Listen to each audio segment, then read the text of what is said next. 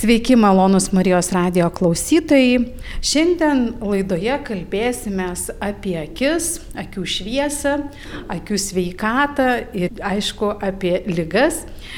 Ir Marijos radio laidoje dalyvauja Kauno klinikų vaikų akių lygų skyriaus vadovas, docentas Arvidas Gelžynis. Sveiki. O jį kalbinu aš, Kauno klinikų dvasinė asistentė Svetlana Adler Mikulieninė. Tai gruodžio 13 dieną mes minėjome Šventąją Liuciją, neregių, akių lygų sergančiųjų globėją ir akių lygų gydytojų globėją. Ir apie ją tai yra ketvirto amžiaus kankinė, apie ją nedaug žinoma, bet jos kultas yra labai paplytęs Europoje Ir ji buvo nukankinta, labai savo tikėjimą tvirtai laikėsi tikėjimo ir visiškai neįsižadėjo, nors ir kokie buvo, ir ją degino, ir, ir akis išlupo, ir, ir, žodžiu, labai sunkių dalykų jinai patyrė, bet laikėsi savo tikėjimo ir jos pats vardas yra susijęs su žodžiu šviesa, liuks, ir jinai buvo turtingų tėvų duktė, Tačiau, vat, kaip matome, jos gyvenimas buvo pilnas iššūkių, jinai nenorėjo tekėti, liko mergelė e, ir savo gyvenimą atidavė Kristui. Tai vad tokia kankinė globoja ir akių lygų gydytojus. Ir šiandien kalbėsime apie vaikų akis. Tai docente, nuo kada vaikam reikia tikrinti akis, nes kalbėjom, kai apie klausą, tai jau nuo gimimo, o kaip su akimis, kada pirmą kartą reikia kreiptis į gydytojus? Taip, pirma patikra jinai taip pat būna po gimimo, naujagimiai tikrinami. Nuo beros 2012 metų Lietuvoje yra raudono akies dugno reflekso tyrimas. Ir reiškia, kad visi naujagimiai gimdymo namuose, o jeigu nepavyko gimdymo namuose, reiškia, grįžę namo po šeimos gydytojo per porą savaičių turėtų būti ištirti, turi būti nustatytas įvertintas optinių terpių skaidrumas, tai reiškia pamatomos raudonas dugno refleksas, tai yra panašiai kaip raudonas akis nuotraukose anksčiau būdavo, tai specialių aparatų, oftalmoskopų yra šviečiama naujagimiam į akis ir vertinamas terpių skaidrumas. Kadangi jeigu yra optinių terpių drumstis, įgimtos drumstis, tai yra kataraktos, vienpusės ar abipusės, Tai gydimas turi būti tikrai anksti, o iki 10-12 savaitės vaikas turi būti išoperuotas. Tikslas be abejo yra surasti tos vaikus, kad jiem laiku suteikti pagalbą. O apie spalvas, ar vaikai nuo pat mažens skiria spalvas, ar yra kažkokios, nes teko girdėti ten mamyčių kursuose, kad yra išskiriamas kažkokios ypatingos spalvos, kurios nuo gimimo labiau skiriamos, o kurios ne. Iš tikrųjų, vaiko akis, naujagimio kūdikio akis, jinai vystosi. Naujagimis gimsta matydamas labai labai blogai ir vėliau po truputėlį tas matymas formuojasi. Formuojasi tiek tinklainė, tiek regos nervas, tiek regos centrai smegenyse. Tai ir tas spalvų jūslė, jinai nu, formuojasi su laiku. Aš turbūt negalėčiau išskirti kažkokios vienos labai, labai uh, nu, išskirtinės spalvos, kuri būtų svarbiausia. Šiaip, kuomet taikoma regimoji stimulacija, mes labiau rekomenduojam kaip šachmatų lentos stimulus. Reiškia didelio kontrastingumo, didelio kontrasto stimulą, galbūt kažkokį vaizdą, ar tai būtų šviesa, ar tai būtų kažkoks piešinys, tai paprastai juoda balta. Ir, ir kad vaikas tada geriausia mato jį. Apskritai, naujagimiai turbūt mato galbūt iš 1-2 metrų, o vienu metu amžiui regėjimo aštrumas pasiekia nu, pirmą, antrą, galbūt trečią eilutę. Tai reiškia, o šiaip matymas baigia formuotis tarp 3-6 metų amžiaus. Tai jau paminėjot, kad į tolim e, blogai mato, tai vad trumparegystė, toleregystė, astigmatizmas, turbūt ir žvairumas, tai e, tarp mamų, kiek man teko susidurti, tai dažniausiai žinomos tokios, plačiausiai žinomos lygos, ar jos pasitaiko irgi dažniausiai? Tai pasitaiko Tikrai dažnai, kadangi sveikas naujagimis, tai naujagimis su toleregystė.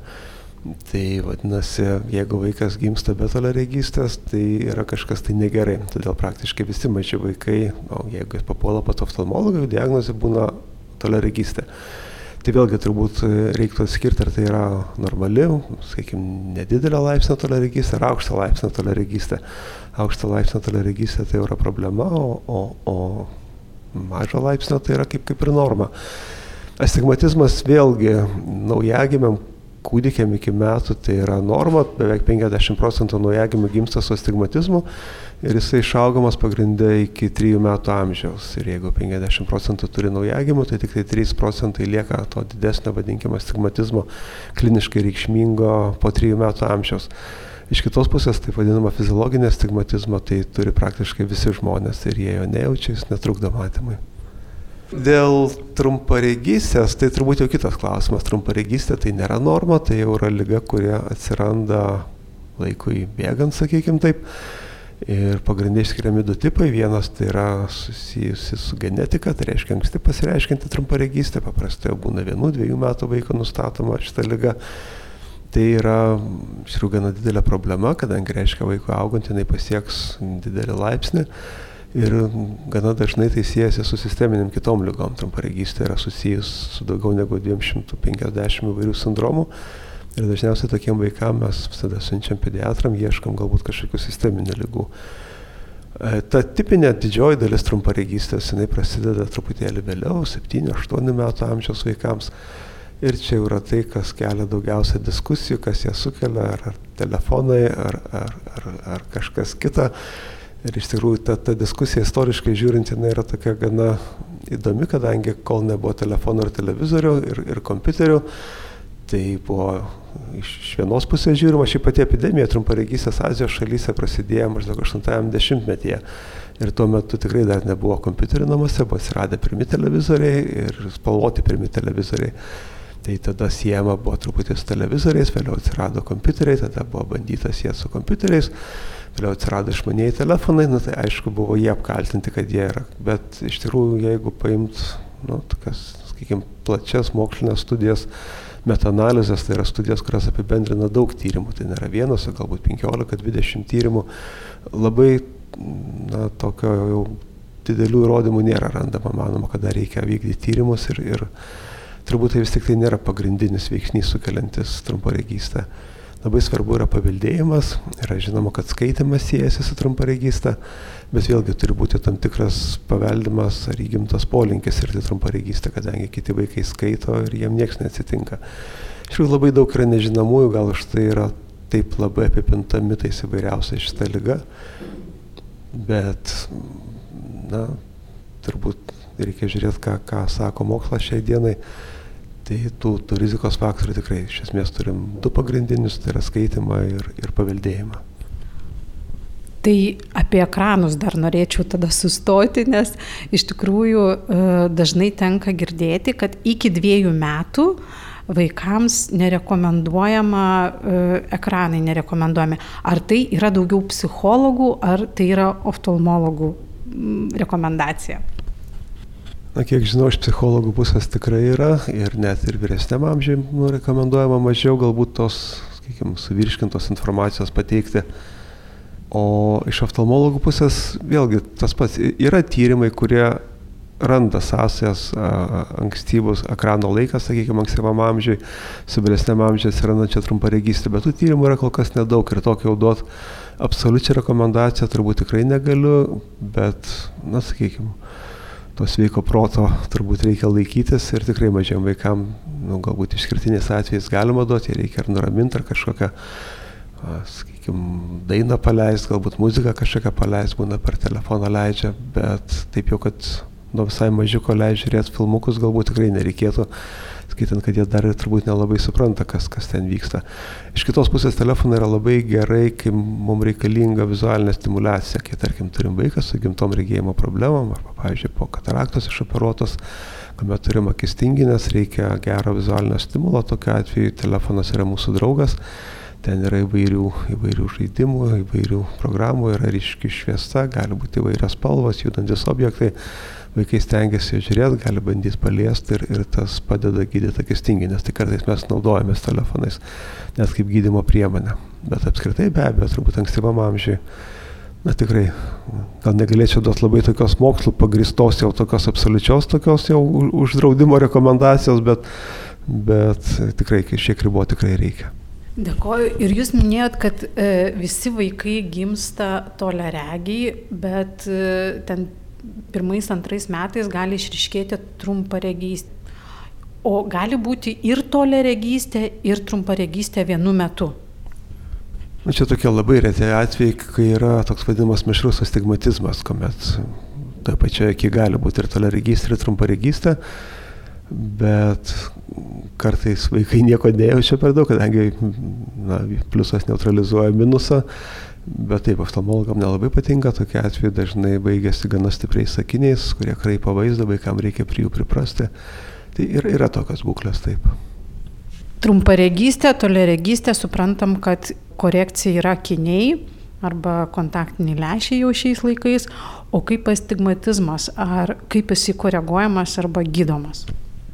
Taip pat kažkuria prasme astigmatizmas tai nėra visiškai skirtinga, kaip mes sakom, klinikinės refrakcijos įdant, tai reiškia, tai yra astigmatizmas, tai yra, na, sakykime, dviejų toleregystės arba dviejų trumparegystės laipsnių buvimas vienoje akyje. Tai reiškia, jeigu mes paimtumėm akį, kaip padalintumėm per dvi ašis, viena galėtų eiti, jeigu įsivaizduot kaip laikrodžio ciferblatą, tarp 12-6 valandos, kita tarp 3-9 ir matuotumėm, vadinamą klinikinę refrakciją šiuose meridianuose, mes greičiausiai rastumėm truputį skirtingus dydžius. Tai jeigu tas skirtumas nėra didelis, tai yra fiziologinis astigmatizmas, tai yra norma, O jeigu jis viršia vieną dioptriją, tada būna patologija. Tai vat viena meridiane gali būti mažesnė laipsnio toleregystė, kitam didesnė laipsnio toleregystė, arba taip pat ir trumparegystė mažesnė, didesnė, arba, kaip prieš tai sakiau, gali būti viena meridiane pliusas, kita minusas. Tai astigmatizmas kažkuria prasme yra toleregystės, trumparegystės tam tikra kombinacija, ir koreguojama taip pat kaip, kaip ir šitas refrakcijos įdas. Ir labai svarbu dabar e, įdomu, ar akinius jau iš karto reikia dėtis, ar yra situacijų, kada e, dar bando gražinti, kaip sakant, regėjimai, yra e, įvairios fizioterapijos, ką galite pasakyti, ar jau jeigu nustato trumparegystę, iš karto dedam akinius, ar, ar dar truputėlį vaikam galima ir lūktelėti. Šiaip dabar turbūt atsakymas yra, kad rekomenduojam dėti korekciją, vienokią ar kitokią, bet turbūt ne paprastą korekciją, o tą, kuri rodyta, kad lėtina trumparegystės progresavimą. Nes yra atsiradę tiek kontaktiniai lešiai, tiek akiniai, kuriuos nešiojant visą dieną lėtėja trumparegystės progresavimas. Tai dabar rekomenduojam būtent jau dažniausiai tokią korekciją.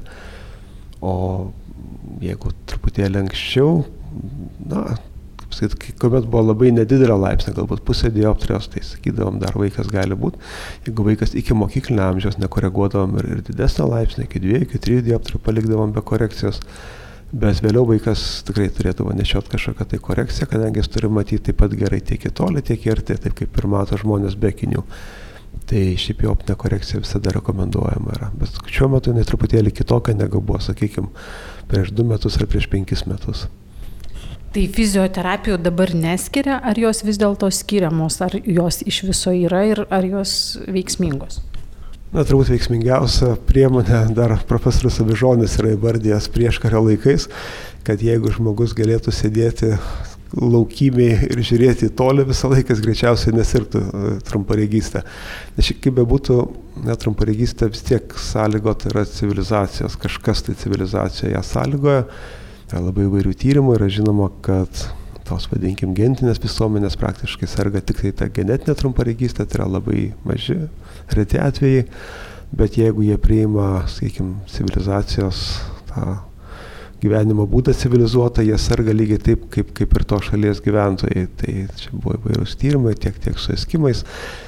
Tai viskas yra taip, bet iš kitos pusės, kas būtent nėra žinoma. Buvo įvairiausios teorijos ir su maistu, ir su apšvietimu, ir su skaitimu. Dabar yra manoma, kad galbūt buvimas patalpoje siejasi su trumparegysės atsiradimu, saulės šviesos trūkumas, bet kad pratimai stabdytų, veiktų ar net sugražintų matymą, nu, daugumą atvejų taip nėra, jeigu tai yra tikra trumparegystė. Čia tokia išimtis yra, kadangi gali būti tokia būklė vadinama akomodacijos spazmų, tai yra netikroji trumparegystė, pseudomiopija mes ją taip vadinam, reiškia dėl didelio akių nuovargio, krumplyno raumuo, kuris a, įtakoja lėšiuko išsigaubimą, jisai lieka nu, užsispazmavęs, neatsipalaiduoja ir tokiu būdu yra sukeliama tarsi dirbtinė trumparegystė, akis lieka prisitaiko žiūrėti į arti ir žiūrint į tolį, jinai neatsipalaiduoja.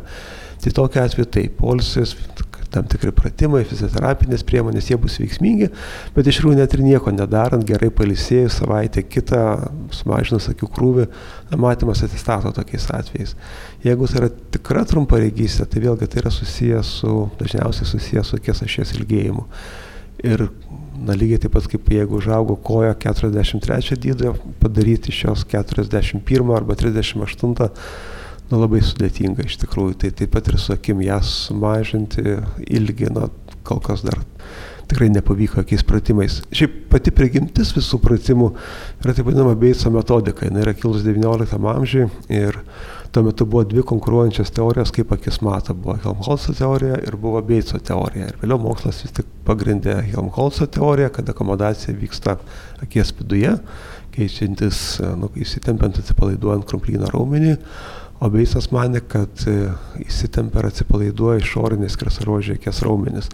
Ir todėl jisai labai propagavo tą atakių mankštą, atpalaidavimą, manydamas, kad jeigu tie raumenys atsipalaiduos, tada jie mažiau spausakė ir, ir sutrumpės akies ašis. Bet čia turbūt pati garsiausia oftalmologijos konspiracijos teorija, nes jinai jau gyva turbūt virš šimto metų ir, ir jinai taip ir niekada nebuvo įrodyta mokslo, kad tai turi kažkokią įtaką tie pratimai, bet, bet kartai iš kartos jie eina ir, ir, ir nu, iš tikrųjų nieko blogo nebus, jeigu žmogus daro, tik tai šiai dienai, jeigu, tarkim, vaikas yra trumparegis, jisai gali gauti tikrai mokslo pagristas priemonės, sakykime, tie akiniai lėtinantis ir kontaktiniai lęšiai arba lašai yra, kurie lėtina trumparegystę. Tai tikrai būtų siūlymas, nu, kartu jūs ir naudokit galbūt kažkokią priemonę, nenorit akinių, tai tik būna akių lašai, nu, darykit tos pratimus, bet, bet naudokim, sakykim, ir, ir mokslo pagristas kažkokias priemonės.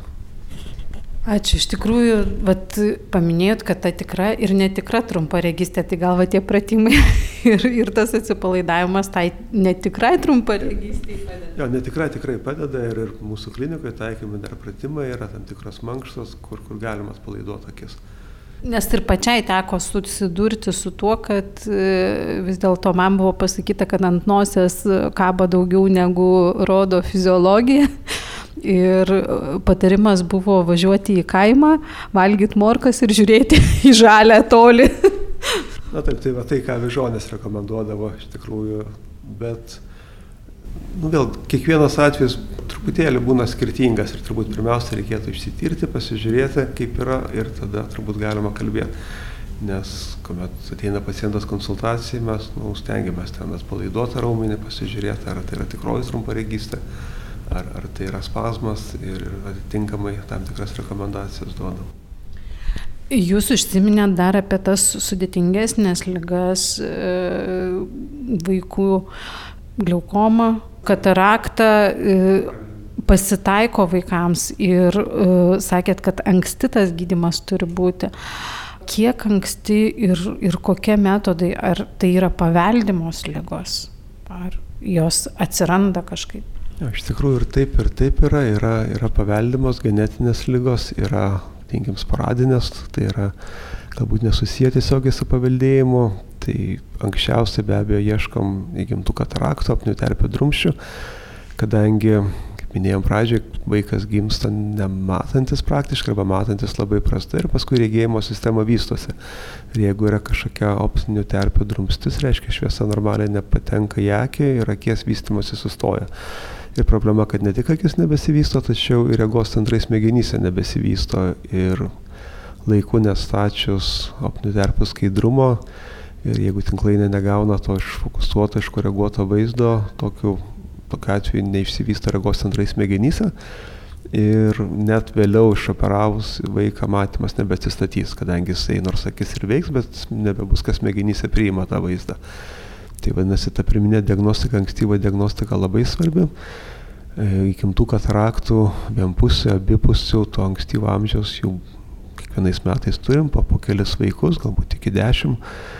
Ir vėlgi jų, ar juos reikia operuoti anksti, ar ten pilna katarakta, ar dalinė katarakta, ir kaip anksti čia jau turbūt yra individualiai sprendžiama kiekvienas vaikas apžiūrimas, konsultuojamas ir, ir būna kai kurios kataraktos paliekamos sekimui, jeigu jos nėra labai didelės, jeigu manom, kad vaikas gali matyti, nes vėlgi iš kitos pusės tai yra operacija, tai yra anestezija, tai yra nu, kitos komplikacijos galimos, tai tikrai ne, nesistengiam, nu, kad jau būt visus ten iš, išoperuot, bet, bet tikrai yra tie, kam reikia ir tuos tikrai reikia, nes kitu atveju, kitu atveju matymas nesugrįž. Glaukomo vėlgi yra iš taip vadinamo išvengiamo vaikų aklumo sukeliančių lygų, tai yra reti atvejai. Anksčiau būdavo į du metus vienas vaikas, dabar gimstamumas truputėlį mažėja, tai galbūt į tris metus atsiras po vieną vaiką. Tai vėlgi tas pats, jeigu laiku nustačius, laiku išgydžius, išoperavus, nu, tikrai turim atveju, kai lieka ir geras matymas ir net nereikia lašų lašint ir, ir tikrai būna labai geri atvejai. Na, iš kitos pusės turim ir, ir netokių gerų atvejų, kuomet ar lieka matymas pablogėjęs, ar, ar sakykime, visai akis nebemato dėl šitos lygos, tai, tai yra tikrai labai yra na, gali būti labai baisi lyga ir labai sunkiai gydoma ir kartais net ir nepagydoma lyga. Bet vėlgi tai yra spektras nuo nuo iki, nuo, nuo tikrai sėkmingų atvejų iki tų, kurie nepasiduoda gydimui. Kalbant apie genetinės lygas, dar didelė grupė yra e, įgimtos paveldimas tinklainės distrofijos, taip vadinamas, tai yra lygos kenkiančios tinklainės funkcija, tai yra tai daliai akies, kuri priima šviesą. Tai vėlgi mutacijų yra beveik 300 ir pasireiškia įvairiam amžiui, bet nemaža dalis prasideda nuo vaikų amžiaus ir jom gydimo kol kas yra labai nedaug, sakykime. Iš tų 270-80 mutacijų kol kas gydimas genoterapija yra vienam, tik tai vienai mutacijai, nes šiuo atveju kiekvienai, na, kiekvienai mutacijai turėtų būti atskiras gydimas. Tai tas, tas procesas prasidėjęs yra, vaistai yra kuriami, bet, bet kol kas, kol kas tai stovim proceso pradžia. Iš kitos pusės, tie maži vaikai, kurie kūdikiai gimsta, jie, jie turbūt turi šansą sulaukti gyvenime gydimo. Labai ačiū, labai įdomu, iš tikrųjų tema turbūt ne vienai laidai, o žymiai daugiau. Ir čia iš jau klausytojų e, iš anksto klausinėjau kai kurių mamų. Ar turi kažkokių klausimų, tai vad vaikystėje nustatytas astigmatizmas ir trumparegystė, ar tai bus išaugama, ar vis dėlto tai liks visam gyvenimui? Šiaip trumparegystė nėra išaugama kaip tokia, tačiau kartais būna atvejai, kai vyresniam amžiui sulaukus 40-50 metų jinai truputėlį sumažėja. Ir, ir, ir ten kokią pusę dioptrijos, tai vėlgi dėl tų pačių lešiuko pokyčių, dėl, dėl sakykime, krumplino atsipalaidavimo. Tai kartais tas yra susijęma, kad nu, kažkaip ėmė ir dingo, bet nu, tai nėra toks vėlgi tikras kaip, kaip išaugimas. Šiaip išaugo paprastai neišaugoma, trumparegystė progresuoja, akis auga paprastai iki 17-18 metų, vėliau apie 90 procentų atvejų sustoja, apie 10 procentų progresuoja toliau ir gali ten progresuoti ir 22-23 atvejų e, metų amžiaus e, pacientams. Tai va, tai yra studentų atvejai, kai būna atsiranda truputėlį vėliau arba progresuoja vėliau. Tai dažniausiai siejasi su dideliu krūvio akims. O stigmatizmas vėlgi, jisai didžiausia dalis yra išaugama iki 3 metų ir paskui paprastai jis nėra išaugamas, bet vėlgi gyvenimo bėgėje, jeigu paimti iki senatvės akį, astigmatizmas keičiasi šiek tiek. Keičiasi jo šis, keičiasi pagrindiniai meridianai, kurie buvo, bet dažniausiai visiškai neišnyksta pilnai. Tai bet vėlgi klausimas, kiek to stigmatizmo yra. Jeigu tai yra mažas laipsnis, tai gali būti ir fiziologinis astigmatizmas, kuris yra norma. Tai gydytas gali vardinti, kad yra astigmatizmas, bet galbūt jo net nereikia koreguoti. Tai čia tokia na, nėra labai reikšminga diagnozė. O iš kitos pusės, jeigu yra didesnio laipsnio astigmatizmas, tai greičiausiai liks jau visą gyvenimą. Dėkui. Ir labai populiarus e, korekcijos dabar būdas, labai reklamuojamas, yra trumparegystės gydimas lazerių. Kas ten daroma ir ar tai taikoma vaikams, ar čia vis dėlto jau suaugusiems ir kiek žinau, suaugę irgi turi amžiaus ribas. Turbūt reiktų sakyti, kad tai yra trumparegystės korekcija, ne, ne gydimas, nes iš esmės yra iškoreguojama refrakcijos sida, bet visi kiti pokyčiai akies, kurie galbūt buvo susijęs su trumparegystė, jie lieka.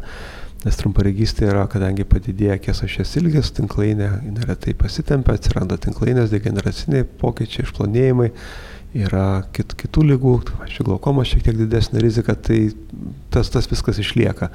Tai gal reikėtų įvardinti kaip, kaip korekcijos būdą, reiškia koreguoti galima akiniais, lešės arba lazerinę korekciją atlikti. Vaikams tas nėra taikoma, kadangi tai vėlgi tai nėra gydimas, iš esmės tai yra korekcija, kadangi tokia kaip ir permanentinė, vadinkim, korekcija. Tai reiškia, jeigu vaiko akis aukti, tai trumparegystė blogės, tai nelygiai taip pat blogės ir atliko šitą operaciją. Štai paprastai laukiama, kol pacientas užauks bent iki 18 metų ir, kiek žinau, viena iš sąlygų yra, kad bent metus nesikeistų trumparegystė. Čia būdavo siūloma ir du metus palaukti, kad, kad tikrai įsitikint, kad jau, jau pasiekė savo ribą. Amžiaus riba į suaugusius, vėlgi čia toks labai na, diskusinis klausimas, turbūt jau čia individualiai sprendžiasi, kadangi trumparegiai paprastai gerai mato iš arti ir, ir kai jie sulaukia, pavyzdžiui, 40-45 metų, e, tie, kurie jų buvo draugai, bendramžiai, kurie nenešiojo akinių, jie dažniausiai užsideda akinių skaitimui, pradeda skaityti su akiniais, o trumparegiai jie toliau mato sėkmingai iš arti be, be akinių. Tai Tai jeigu trumparegis lauks 45 metų ir pašalins trumparegystę, jis tiesiog pakeis akinius tolumui akinius artumui. Tai štai dažniausiai čia turbūt darosi jauni žmonės, nu, kurie dar turi vat amžių nuo, nuo 20, sakykime, iki 40-45, kad jie gali gyventi be akinių. Iš kitos pusės, vėlgi, kartais sugrįžta trumparegystė, praeina 10 metų ir, ir, ir kartais jinai vėl atsiranda, gal netokiam laipsnį, kokia, koks buvo prieš operaciją Šiaip tai yra gana saugus būdas, bet iš kitos pusės tai yra vis tiek chirurgija. Tai čia jau pacientas pats turi nuspręsti. Iš saugumo prasme tai turbūt yra viena saugiausių procedūrų, kokios yra atliekama oftalmologijai, bet, bet vis tiek, nu, kad ir tas vienas iš tūkstančio, ar kiek tai, nu, ar iš dešimt tūkstančių, bet nieks neužgarantuos, kad, kad na, tas konkretus pacientas nebus tas vienas. Tai, tai turbūt vėlgi pasirinkimo klausimas, kiek žinau, visada tie klausimai yra aptariami prieš operaciją su, su gydytojais. Ir svarbiausia, kad pacientas suprastų sąmoningai, ką jisai daro ir šiaip iš tikrųjų labai daug pasidaro, labai daug yra patenkintų žmonių. Na, vienas kitas būna nepatenkintas, bet, bet čia turbūt visur taip yra. Tai vaikams šitos korekcijos nedarom. Ir dabar apie akinius ir lešius. Irgi vat, klausytojai labai domisi, kaip pasirinkti, ar e, kontaktiniai lešiai negadina akių, kokie geriau, ar galima mėnesinius naudoti, ar kasdieninius geriau. Tai vat, tas spektras, kuris dabar siūlomas, yra didžiulis, kaip nepasiklysti ir ką rekomenduotumėt vaikams. Šiaip, nu, aišku, suaugę gali jie turbūt jau viską išbandyti ir viską rinktis.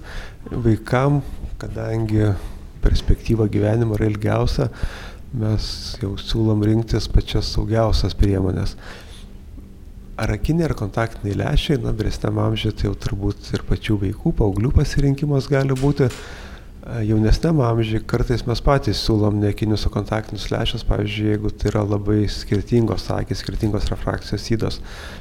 Paprastai jau pacientai prašiau toleruoja akinius, jeigu skirtumas tarp stiklų yra dvi dioptras ir daugiau, o kontaktinius lešius toleruoja gana gerai, tai kartais su akiniais paliekam vieną akį blogiau matančią, kontaktinis lęšis galim pilnai iškoreguoti.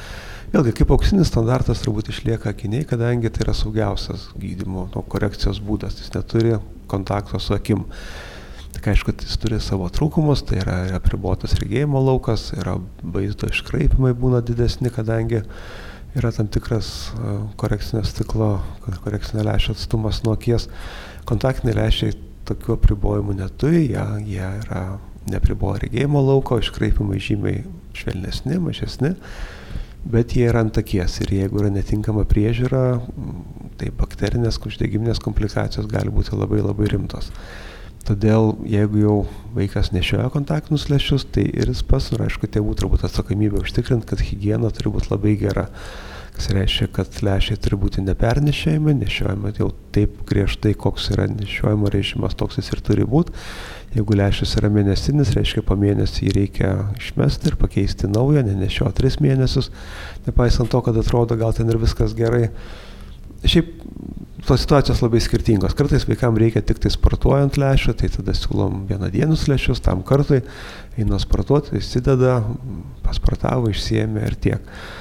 Jeigu jau nori visą laiką, ten vėl paaugliai, tai vėlgi siūlom tos, kurie geriausiai praleidžia degonį ir maisto medžiagas, yra kontaktiniai lęšiai, su kuriais galima miegoti, galima dvi savaitės neišsims augusiems, siūloma mėnesį neišsimti iš akių. Tai aišku, vaikams rekomenduojam tos lęšius, bet be abejo naktim išsiminėčios, ne, nemiegos su lęšiais. Apie skystį kalbant irgi dažniau siūlom na, skyščius, kur galbūt yra mažiau konservanto ar, ar iš vis galbūt peroksidinis skystis yra gerai, skirtas labiau alergiškiam žmonėm, tačiau kadangi vaikam gali ta alergija išsivystyti per gyvenimą į, į skystį, tai dažniausiai bent jau aš siūlau naudoti peroksidinį skystį, kuris išdezinfekuoja lęšį, jisai išburbuliuoja ir, ir vaikas išimsta lęšį iš paprasto vandens, tiesiog ne, ne joks chemikalas papildomai nepateks į akį. Tai vėlgi, kadangi šiuo metu atsiradė ir gydomieji akiniai, ir kontaktiniai lęšiai, tai vėlgi yra tam tikra diskusija, ką, ką nešioti yra geriau ir kartais būna pradedam nuo akinių ir jeigu matome efekto nėra, galbūt skirsim kontaktinius lęšius, arba jeigu vaikas ir nori kontaktinių lęšių, nenori akinių, tai galbūt skirsim gydomosius kontaktinius lęšius. Čia iš tikrųjų variantų yra labai daug, apskritai tai nėra, nu, kad negalėtų vaikai nešiot lęšių. Pavyzdžiui, jeigu yra išoperuojama monokolinė katarakta, tėvai pradeda tą lęšį dėti jau praktiškai ant 2-3 mėnesių amžiaus, kūdikiai nešioja ir jau užauga su to lęšiu. Tai tikrai nėra kontraindikuotina, tačiau turi būti labai gera priežiūra. Na ir laikas bėga, e, turim nedaug likusio laiko, labai svarbus dalykas - vitaminai akims. Negalim šito klausimo apeiti, nes irgi vaistinėse be galo daug pasirinkimas, siūlo vienokius, kitokius. Ar to reikia, ar tai yra rinkodaros ir verslo objektas? Aš iš tikrųjų, kadangi dirbu su vaikais, niekada niekam nerekomenduoju vitaminų.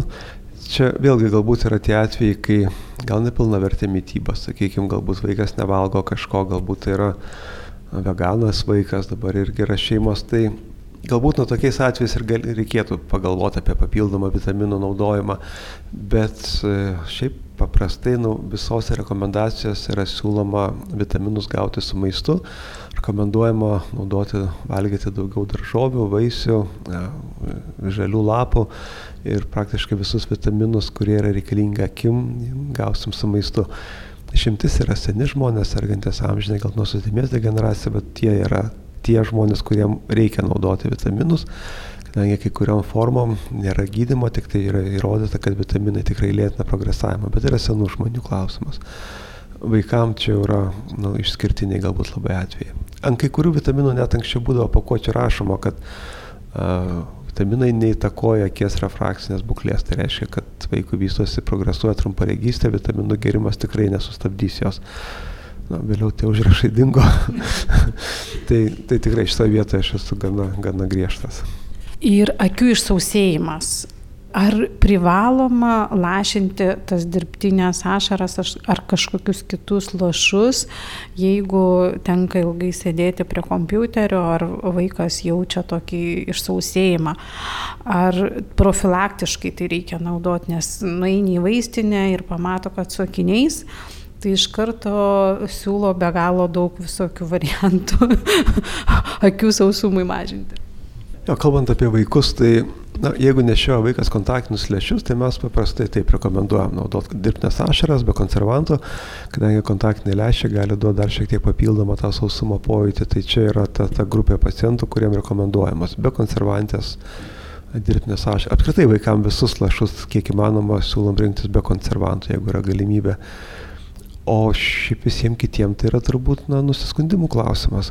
Jeigu yra jaučiamas, ypač žiemos metu, kai yra sausas oras, šildymas, pat atšala oras, apskritai būna sausesnis ir tenka dirbti ilgai, žiūrėti į ekraną, tikrai rečiau yra mirksima ir kartais tas akių sudirgimas būna susijęs su akies sausumu. Bet čia tiesiog na, galima pabandyti ir turbūt na, žinosit, ar padeda ar ne. Nes jeigu sėdit 12 valandų prieš ekraną, nulašinkit kiek norite, ašarų vis tiek nuovargis atsiras. Tai vėliau vyresniam amžiui šiek tiek, na, galbūt 25-40 metų ten atsiranda ir kitų dalykų, dėl ko tos ašaros tampa naudingos. Bet vėlgi pacientas turi jaus tam tikrą na, simptomatiką, kad, kad naudoti jos. Šiaip apskritai tiesiog pat lašintis, na jeigu yra viskas gerai, tai ir bus gerai, turbūt ne, ne, na, nėra tokio, kaip kad visi turėtų absoliučiai naudoti kažkokiai tai profilaktikai. Ne, turi pirmą galbūt atsiras nusiskundimai arba bent jau sąlygos tokios būtų, kurios gali išprovokuoti tos nusiskundimus. Tai dėkojame docent Ervidai Jums už pokalbį, laikas mūsų laidai jau baigėsi ir gal kažką galit palinkėti Marijos radio klausytojams. aš kaip bažnyčia ramybės visiems norėčiau palinkėti. ir, ir iš kitos pusės, na, tikėkit ir pasitikėkit ir gydytojais. Iš tikrųjų, ypač kalbant apie trumparegystę, bet apskritai šiais laikais yra, na, kiekvienas turbūt gali būti, kaip ten tie, kaip netikri pranašai yra, tai turbūt kiekvienas gali būti ir gydytojas, ir sveikatos specialistas, ir, ir praeit kažkokius kursus Facebook'e, įkelt keletą įrašų ir, ir jie staiga tampa tarsi na, lygiaverčiai sveikatos priežiūros specialistais tiem, kas, kas iš tikrųjų galbūt ir mokėsi ir kurių profesija tai yra, na, iš tikrųjų labai atsargiai reikia žiūrėti kai kurias rekomendacijas. Čia turbūt ne tik tai apie oftalmologiją kalbant, tai žinoma ir su, su vėžiniais susirgymais yra visai eilė buvę atveju, kai užsimama savygyda ir, ir, ir paskui blogai baigėsi. Tai iš tikrųjų nu, labai palinkėjimas atsirinkti, kuo, kuo tikėti ir kuo, kuo pasitikėti.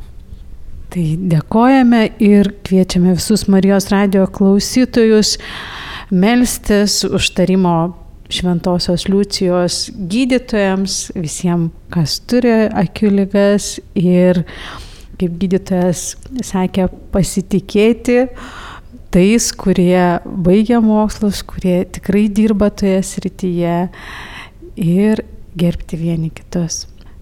O laidoje kalbėjome apie vaikų akių lygas ir svečiuose buvo Kauno klinikų vaikų lygų skyriaus vadovas, docentas Arvidas Gelžinis, o jį kalbinau aš Kauno klinikų dvasinė asistentė Svetlana Adler Mikulieninė. Dėkoju Jums, kurie klausėtės ir tarėme sudė.